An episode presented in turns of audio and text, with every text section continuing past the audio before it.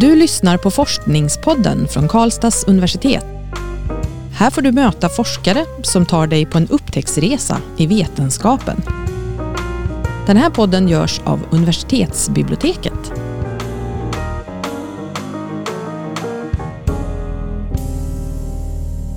Hej och välkommen till det här specialavsnittet av Forskningspodden. Jag heter Karin. Och jag heter Magnus. Och idag gästas vi av Johan Högman, forskare och lektor i idrottsvetenskap här på Karlstads universitet. Varmt välkommen! Tack så mycket! Du har ju varit med förut i den här podden när du var nydisputerad. Och då berättade du om din avhandling. Så det här blir lite av en favorit i repris, eller hur? Mm. Mm. Men idag lyfter vi blicken lite grann och pratar om temat barns rörelse ur ett lite större perspektiv. Och då tänkte jag börja med frågan det här med barns rörelse och aktivitet. Varför är det en så viktig fråga att studera?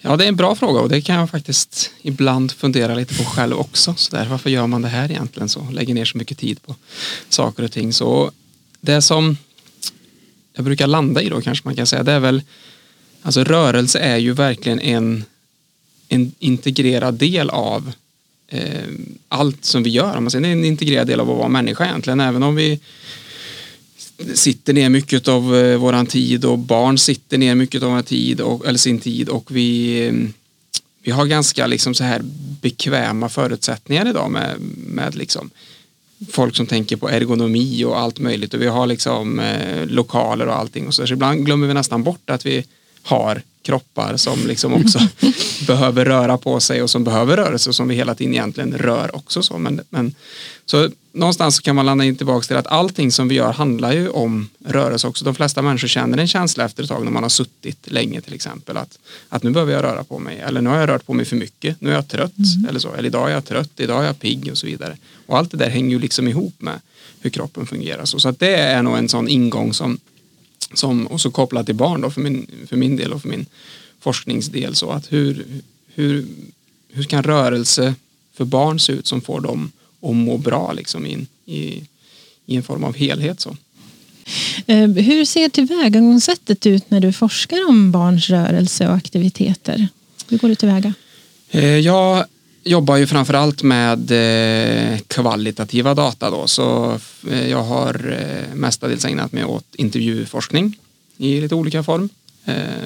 Både individuella intervjuer då jag sitter och, och ställer massa frågor till ett barn eller en ungdom så, en och en. Ehm, men också det som kallas för fokusgrupper då, fokusgruppsintervjuer kan man också kalla det. Ehm, då det sitter flera barn eller ungdomar i en grupp och så är vi en eller två forskare som turas om att ställa frågor eller som hjälps åt och, och föra antingen ett samtal eller frågor. Det beror lite på vilken, vad det är för inriktning just i den studien. Så. Men det är framförallt den typen av forskning och intervjuforskning där vi försöker att fånga in perspektiven då från barnen och från ungdomarna, hur de ser på rörelse och deras förhållningssätt i rörelse och sådär. Så det är väl eh, merparten. Sen har vi använt lite andra metoder och så också. Eh, lite observation och eh, lite mer strukturerade frågeformulär så också. Men framförallt intervju. Varför är det viktigt att eh, låta barnens röster få komma till tals i, i din forskning? Ja, men man kan väl säga att generellt sett så är ju liksom barn uteslutna från de här eh, rummen där viktiga beslut fattas egentligen. Allt som rör barns liv på ett annat sätt finns det ju ett beslut bakom någonstans. I något politiskt rum någonstans mm. eller i något eh, kontor någonstans eller hos någon, någon fattas olika beslut om hur barns dag ska struktureras, vilka former av lokaler de ska ha, hur stora skolgårdar de ska ha och så vidare. Kan vara så där. Och de här besluten är ju barn väldigt sällan involverade, i alla fall inte hela vägen så. Eh, I den bästa av världar så kanske de får säga till om någonting i början eller så, men sen så händer saker på vägen. Så, att, så att det är väldigt viktigt att eh, och det finns ju fler än forskare som kan göra det. finns ju andra som också kan jobba med att försöka lyfta fram barns perspektiv och, och liksom, eh, lyfta barns röster och så. Men, men det är en viktig del för forskningen också att ha det perspektivet. Så jag är väl en av de forskarna som, som tar det. Sen, finns det ju, sen är det ju jätteviktigt att det finns forskning som jobbar med andra metoder så att man kan komplettera varandra och så. Men, men för min del så har jag väl, kan man säga, valt den vägen där jag jobbar med kvalitativa data och barns eh, erfarenhet så för att lyfta in eh, och, komplettera den bilden och kunna liksom förse beslutsfattare och, och eh, andra då med någon form av analys då utav det som barnen har, har sagt och uttryckt i de här intervjuerna. Du nämnde att ni observerar också. Jag tänkte, kan du bara ge en bild? Hur, hur, ser du, hur kan du beskriva en sån situation när ni gör en observation? av? Mm. Eh, ja, men det kan det vara till exempel i, i, en studie där så då satt vi helt enkelt på en läktare i en idrottshall och vi observerade en eh, idrottsaktivitet som eh, man kan säga som en öppen idrottsaktivitet. Man upp, det var en verksamhet där man öppnade upp Eh, en idrottshall på kvällar och på helgkvällar. Eh, och så det var liksom inte någon sån här klassisk träning som man tänker sig, var inte någon skolidrott och så heller, men en sån idrottshall. Och sen så öppnade man upp där och så fick liksom barnen och ungdomarna där organisera aktiviteter själva. Eh, så mm. försöka komma överens om vad de skulle göra och vilka material de skulle använda och sådär. Och så fanns det ledare på plats för att stötta upp och sådär. Så att i en studie då så tittar vi på helt enkelt hur funkar det här? Vad händer när, när man gör på det här sättet? Att man liksom tar bort eh, eh Ehm, strukturen och liksom den här ledarledda organisationen och låter barn själva eh, strukturera upp. Och det var som någon form av blandning mellan spontanidrott och eh, lite mer organiserad idrott kan man säga. Vilken ålder var det på de barnen som deltog i den här eh, aktiviteten? Ja, de var, uh, ska vi se, jag skulle säga att de var mellan, eh, det var väl egentligen två grupper, en lite tidigare på kvällen så var det inte en sen, grupp mm. senare på kvällen också. Så att, men det var nog från, första gruppen var nog 7 till 12 och sen var det nog 13 upp till 18 skulle jag säga, kanske 20 till mm. och med. Det låter som en utmaning att observera eh, den typen av eh, aktivitet som inte är så strukturerad kanske. Vill du berätta lite mer om hur det går till eller hur ni mm. liksom utför en sån observation? Ja, men och det, det var en väldigt rolig studie på det sättet för vi fick syn på väldigt intressanta saker.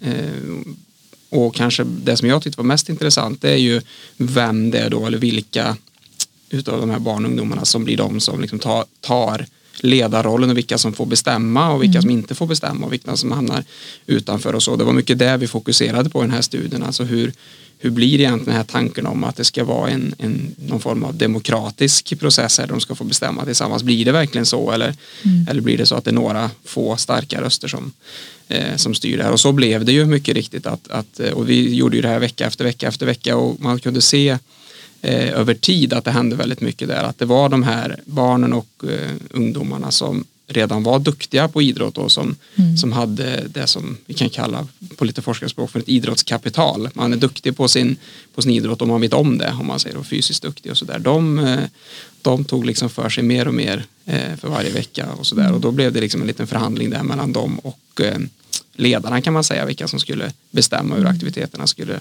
gå till. Så att det, det som var baksidan om man säger, det som vi såg i den studien var ju att tjejgruppen till exempel, de tjejerna som var med från början successivt drog sig tillbaka mer och mer och fick mindre utrymme i de här öppna aktiviteterna och till slut så var det många av dem som satt på läktaren istället och tittade på eller inte kom dit alls och så. Mm. Så att det var en, men en viktig insikt för då inser man att man behöver göra på lite andra mm. sätt så för att om man ska uppnå det här inkluderande och demokratiska liksom, var det samma barn som återkom varje vecka eller tillkom det nya såväl som att det kanske då försvann några? Eller var det samma grupp som återkom i princip varje vecka? Det var eh, samma kan man säga återkommande. Sen, sen var det säkert vissa små skillnader så, men i stort sett samma grupp. Så. Mm. Om vi rör oss utåt lite mot eh, liksom huvudproblemet då, det är väl också värderande tänker jag att säga att problem, men, men i media, dagliga debatten så hör man mycket om problemen med, med barns rörelse. Men hur, hur mycket är det ett problem eller vad är det för problem med att barn rör sig eh, lite? Mm. Ja, det är också en, en, väldigt bra ställd fråga. Så är det ett problem och för vem är det ett problem egentligen? så? Och Det kan jag också fundera mycket på. Ehm, och det kan man att i grund och botten så blir det ju ett problem eh, för barn för när de känner själva att det är ett problem. Alltså, eh, och det som jag kan märka av i min forskning, man säger, det är när, när barn känner sig till exempel alltså de känner sig fångade i sin kropp kan man säga nästan, alltså i, i, liksom i, i, en skolkontext, att de känner att de inte får utlopp för, det kan vara åt båda hållen egentligen, att man liksom inte får tillräckligt med vila, tänkte säga, men framförallt att man inte får eh, möjlighet att röra på sig tillräckligt mycket. Så. Eh, och så framför allt så blir det ett problem för de barnen som inte har samma möjligheter att röra på sig eh, som, som andra barn då. Att det finns man kan säga, lite orättvisa förutsättningar eh, eh, att röra på sig. Att de barnen som, om man tänker i en stor kontext, det finns ju massa olika faktorer som påverkar huruvida man har möjligheten att röra på sig eller inte. Eh, och då kan det ofta handla om ekonomi eller liksom hjälp från föräldrar och med allt vad det innebär och sådär. Men det kan också handla om i en lite mindre kontext om man tänker en skolgård eller något sånt där. Vad det är för saker som finns där så, mm. som lockar till rörelse och sådär. Så kan det också bli någon form av ojämlikhet där kring liksom, vad är det för utbud som, eh, som tillgängliggörs egentligen för de här barnen då, via oss vuxna, vi som planerar och bygger de här miljöerna till barnen. Så.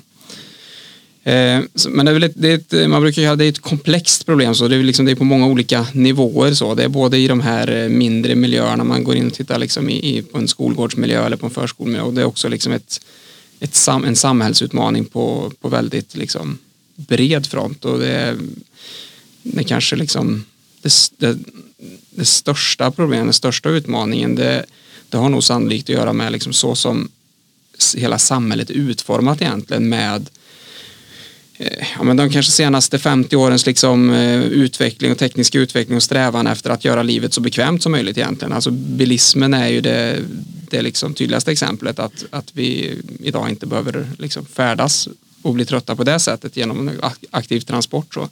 Men eh, allt ifrån liksom rulltrappor till, till liksom, ja, nu har vi digitala lösningar som också gör att vi inte behöver liksom färdas fysiskt till varandra och sådär. och ja, för barn handlar det mycket om dator och tv-spel och sådär som gör det liksom bekvämt att sitta hemma och ha väldigt spännande och roliga fritidsaktiviteter utan att kroppen behöver röra på sig. Mm. Så var det inte tidigare. så. Jag tänker just på det där skärm, skärmproblemet. Så det är väl också en sån sak som man hör ganska ofta att eh, barn tillbringar för mycket tid med skärmar. Men finns det, fundera, är det bara, eh, bara ett problem eller finns det sätt att använda tekniken så att den eh, får igång barn också? Så. Det är jag helt övertygad om att det finns och det finns ju några exempel i forskningen på det också. Mest känt är väl kanske den här appen Pokémon Go. Mm. Som, eh, där har man tittat, gjort en del studier, det finns inte jättemycket än men det finns några studier ändå som har sett att där har man liksom lyckats att öka den fysiska aktiviteten. Vilket om man kan säga generellt så är det väldigt få studier som hittar sådana effekter. Det verkar vara väldigt svårt att öka liksom fysisk aktivitet på, på någon, eh, på någon liksom lång sikt så bred front. Så. Men det finns lite indikationer på att det här spelet har lyckats med bland vissa grupper mm. av barn. Då. Så det, det får man nog säga är liksom en succé på det. Och ett bra ett exempel på hur man kan använda eh, liksom teknik på det sättet. Och, men det finns ju många andra exempel också med olika såna här dansspel till exempel som man använder mycket i förskola och skola och sådär där man liksom antingen på en skärm eller man projicerar upp olika och gör olika danser. Eh, så. Och eh, ja, det finns andra exempel också. Och jag och en kollega håller faktiskt på och eh, ser om vi eh, om man säger i alla fall i startgroparna för ett projekt där man skulle kunna eh, använda sig av eh, virtual reality, alltså olika former av virtuella verkligheter tillsammans med någon form av eh, aktiv, eh, det skulle kunna vara till exempel eh, att man är på, man kopplar ihop ett eh, eh, aktiv virtual reality som det heter med ett löpband, till exempel mm. ett gångband eller så. Och att man på det sättet kan få liksom väldigt, som, ja, väldigt häftiga upplevelser via den här virtuella verkligheten men samtidigt att det kräver att man rör på sig. Mm. För idag, det finns ju jättemånga spel och så, eh, som virtuella spel, men idag kräver de inte, inte fysisk aktivitet på det sättet. De kräver lite rörelse, många av dem med armar och sådär. Mm. Eh, men inte att man liksom, eh, rör på sig i, i den bemärkelsen så att man blir liksom svettig eller andfådd eller så under någon längre tid. Och det skulle kunna vara ett jättebra sätt tror jag att eh, verkligen se eh, spel, både dataspel och tv-spel som en eh, resurs istället mm. för liksom som ett, ett hot mot att Eh, för det är ju, det, det är ju otroliga, det finns ju en anledning till att det är så många barn som, som mm. spelar tv-spel och dataspel, eller vuxna också för den delen. Mm. Eh, för det är ju liksom, det är ju, det är ju upplevelser som kanske svåra att få en eh, novemberkväll i Karlstad. ja, I löpspåret. Mm, Men nu pratar vi om barns rörelse och jag märker att vi pratar om alla, all typ av rörelse. Eh, för jag tänker annars kanske det man tänker på att barn rör på sig för lite så är det mycket det här med idrott. Men eh, du pratar som att barn i rörelse det kan vara alla möjliga sorters rörelser. Alltså även Pokémon Go då, där man beger sig ut och letar Pokémon. Skulle du vilja utveckla det någonting, just det här med ordet rörelse kontra motion och mm. den typen av idrottsutövande? Mm. Eh, Alltså idrott har ju haft en ganska dominerande ställning eh, när det kommer till liksom hälsofrämjande rörelser. Där man ofta under senaste liksom decennierna så har man nästan sammankopplat. Liksom. Och många satsningar är också, eh, om man tänker på liksom statliga satsningar och så där, nu vill vi få igång fler, liksom, fler barn ska röra på sig så, där, så är det ofta idrotten man tittar åt. Då. Mm. Eh, det är väl liksom lite det första som, som kommer till, till tanken kanske så. Men det ser man också i studier att om man en, en organiserad träning till exempel som håller på kanske då i en timme, en fotbollsträning eller en handbollsträning eller något sånt där. Den genererar i regel fysisk aktivitet eh, på det man kallar för måttlig eller hög nivå då som man vill åt eh, ungefär mm, ja, halva tiden.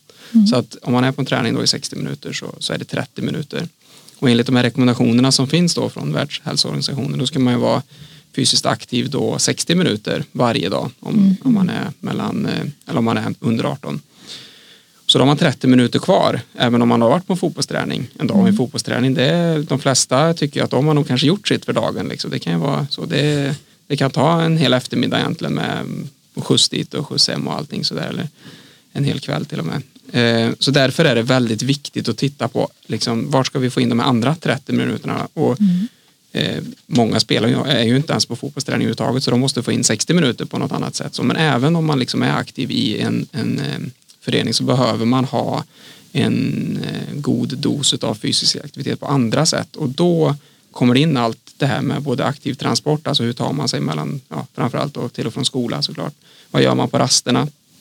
Vad gör man efter skolan innan den här träningen?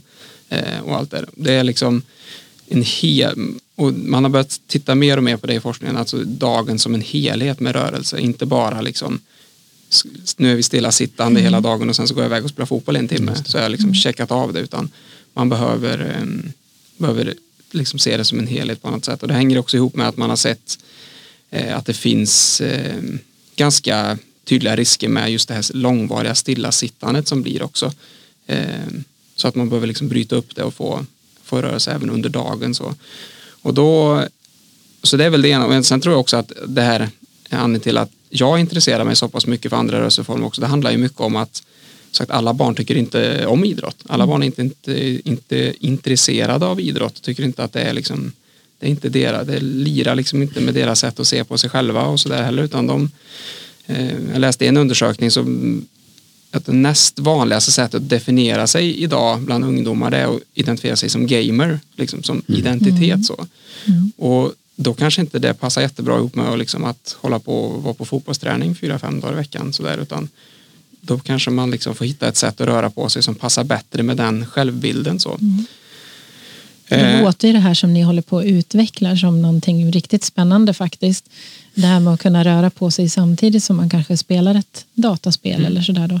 Jag tror det. Jag tror mm. att man behöver titta på liksom, få in rörelse i andra eh, och liksom få in det i andra, i liksom lite, i andra idériktningar mm. så, så att det inte bara var idrott utan att eh, det kan finnas och det kan handla om det kan vara mm, lekfulla aktiviteter det kan vara liksom ja, allt möjligt så. Det behöver inte, behöver inte vara data eller tv-spel heller men, men eh, att man får in rörelse utan att det behöver vara liksom benskydd på och mm. axelskydd på, ja, ut på planen. Liksom. ja. Nu pratar vi lite om eh, de roliga aspekterna av att röra på sig och sådär.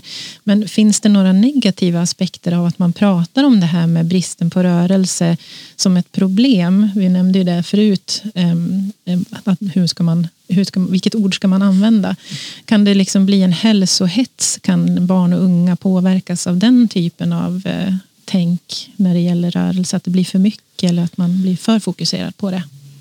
Ja, den risken eh, ser jag absolut finns och eh, det som är viktigt att tänka på där tror jag det är ju eh, hur man liksom använder de här riktlinjerna, råden då som finns eh, som, som eh, ja, Världshälsoorganisationen liksom ställer fast då att man ska vara fysiskt aktiv i 60 minuter eh, om man är under 18 år, så 60 minuter varje dag de är inte liksom tänkt att vara som någon form av liksom rättesnöre till barnet i fråga. Liksom att nu ska du, Mm. eh, här, titta här måste du liksom, gör, vara aktiv i 60 minuter, lös det på något sätt. Så. Men så blir det ofta, att, det är liksom, att vi, man lägger över det på barnen. Liksom. Du vet väl att du måste röra på dig en timme. Liksom. Och då kommer det ju det här att blir individens ansvar. Det leder till liksom press och dåligt samvete och allt det här som, som jättemånga unga idag redan har liksom fullt och mer än det från liksom skola och sociala medier. Alltså det är ju eh, liksom fel väg och tanken är ju att sådana här riktlinjer och, och rekommendationer de är ju till liksom för att visa för ja, de här beslutsfattarna och inte minst ja, för andra forskare så att det här, behöver vi, liksom, det här vill vi uppnå. Hur gör vi för att ge då barn rimliga förutsättningar att kunna vara fysiskt aktiva i 60 minuter? Ja, vi behöver liksom se till att de får in lite i skolan. Ja, vad behöver vi göra då? Vi behöver skolgårdar eller vi behöver ha idrottslektioner eller så här. Eh, så att man använder dem åt rätt håll så att säga, inte, inte ner på individnivå utan att man pratar, eh, pratar med rätt personer om eh, att skapa förutsättningar då, så att man når upp det där. Så att det, det, det ser jag som en, en, väldigt, en väldigt viktig del att få med när man, så att man inte glömmer bort det. Mm. Vad tycker du är de största hindren för att den här, liksom, eh, de här 60 minuterna ska uppnås när man sätter det som, som mål liksom, eh, i ett- barns vardag? Om man ser någon slags genomsnittligt barn där. Jag tror att det första man kan tänka det är väl att ställa sig från vad, är liksom, vad får barn egentligen för förutsättningar? Man lyfter blicken lite. Alltså, jag tror att vi är många vuxna, om man kanske tittar på sina egna barn och sådär, att det, är liksom, det är väl bara att ni går ut och springer lite tänker man. Eller bara, det ligger ju en lekplats här borta. Eller liksom, sådär. Det finns Här en- är bollen, Ja. gör någonting. Precis. Jag älskade en boll när jag var liten. Jag var alltid ute och spelade fotboll hela eftermiddagarna tänkte man sådär. Eh, Men att man lyfter blicken, vad får egentligen barn för liksom förutsättningar att vara fysiskt aktiva då i 60 minuter? Och går man till skolan där till exempel, deras dag är ju väldigt inrutad. Det är liksom, du börjar en viss tid. Eh, sen ska du sitta still en viss tid och sen så har du 20 minuter på dig på förmiddagen att röra på dig. Då, ska du liksom, då har du 20 minuter. För sen ringer vi klockan, då ska du in igen. Liksom. Och de här 20 minuterna du, har du ju en viss miljö då som du ska vara i. Du får inte bestämma själv vart du ska vara utan du ska vara på skolgården. Du får inte bestämma med vilka. För du, är liksom, du har din klass eller de som är närmast där. Och så att vi har liksom ru- rutat in allting redan från början väldigt mycket. Sen är det klart att de flesta barnen tycker ju att det här funkar bra och rör på sig en hel del i skolan och sådär. Men inte alla gör inte det för alla passar inte och funkar inte så. Där måste man ju liksom lyfta blicken för vad är det egentligen för hur hade, vi, hur hade man som vuxen reagerat på om liksom ja, chefen hade kommit och sagt att nu är klockan 20.10, nu har du 20 minuter på dig att röra på dig. Liksom, sådär, och du får inte bestämma med vem eller något sånt där. Det, jag tror inte, vi vuxna hade inte tyckt att det var jättekul så. Man känner sig inte liksom, att man får bestämma sig. Jag tror, ja, lite så förutsättningarna. Eh, eh, tror jag. Och sen brukar jag tänka på det här med variation. Att just att barn är väldigt olika. Och det är det ju återigen till det här med många barn eh, tycker ju idrott är kul liksom och så där. Och det funkar ju för någonstans runt eh, lite drygt hälften av alla barn brukar man säga. Lite slarvigt så är med i idrott till eller från och så där. Så att idrotten fångar ju liksom hälften så. Men vad, är, vad erbjuder vi för liksom alternativ och variation till de här andra barnen om man säger då? Både utifrån olika liksom logiker. Alltså vissa barn tycker om att tävla jättemycket, vissa barn tycker det är det värsta som finns att tävla, vissa tycker att det är jättehärligt att vara i vatten, vissa tycker det är jättejobbigt att vara i vatten, vissa barn tycker skogen är härlig, andra är rädda för att vara i skogen. Alltså vad finns det för variation i saker och ting? Det tror jag är viktigt att tänka på. Att det, liksom, eh, det behöver, ja, det här klass, det behöver finnas någonting för alla. Liksom. Det behöver finnas lågintensiva aktiviteter, det behöver finnas högintensiva, korta aktiviteter kanske. Och allt sådär. Så att det, liksom, det här smörgåsbordet. Så. Och hur kommer man till rätta med de problemen? Är det politikerna som ska ta större ansvar eller vad, vilka, vilka är det som sitter på lösningarna här mest? Det är ju alltid lätt att peka på politikerna, inte så? Kanske. Jo, men ehm, självklart är det ju väldigt viktigt återigen det här med liksom förutsättningarna och de här liksom klassiska, gå tillbaka till lite klassiskt, vad, vad finns det för förutsättningar i den fysiska miljön runt omkring där barn bor? Alltså kan de ta sig till grönområden, kan man ta sig till olika anläggningar, finns liksom anläggningar, är de anpassade efter intressena som barn har? Eh, skolgårdar, finns det tillräckligt stora skolgårdar? Liksom, finns det tillräckligt med plats? Är de tillräckligt varierade så att det finns någonting som passar barn med olika intressen? Eh, samma sak med förskolegårdar, är de tillräckligt väl tilltagna? Skulle det en sån här konkret, det kanske är en dröm för en forskare som för mig sådär, men tänk om varje förskola hade tillgång till liksom en, en större, eller till en vanlig gymnastiksal egentligen, eller en idrottshall. Tänk om varje förskola kanske en gång i veckan fick gå till en liksom, idrottshall Mm. och bara plocka fram alla grejer och springa runt där och göra hinderbanor. Det skulle, det skulle, de 60 minuterna den dagen skulle, liksom, de skulle vara borta hur snabbt som helst. Så, så att det går ju att göra väldigt mycket med eh, och sen såklart att det finns ju liksom ingen oändlig pengar på sig så sätt så det är ju alltid det. Men, men som forskare om då har man ju liksom, ska man titta just på den här specifika frågan då med fysisk aktivitet så, så tror jag mycket på liksom de här, skapa de här fysiska förutsättningarna till daglig rörelse. Så. Är det där du hoppas din forskning kommer att bidra till? Lite, de här, den här typen av lösningar? Eller hur ser du på din forskning kontra det här som vi pratar om? Eh, bi- hur kommer den att bidra eh, som du ser det? Liksom?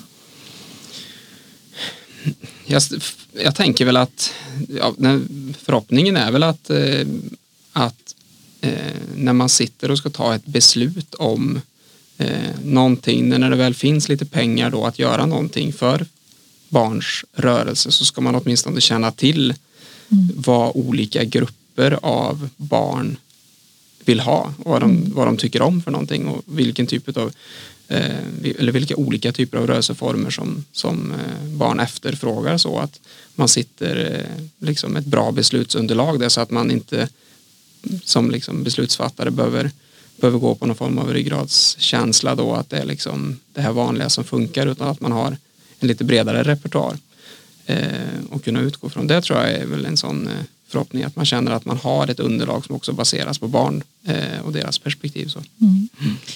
Ja, det, det, det känns som vi skulle kunna prata om det här betydligt längre. Men nu lider vår tid mot sitt slut faktiskt. Eh, Så jag får passa på att tacka dig Johan så hemskt mycket för att du kom hit och var med i vår podd idag.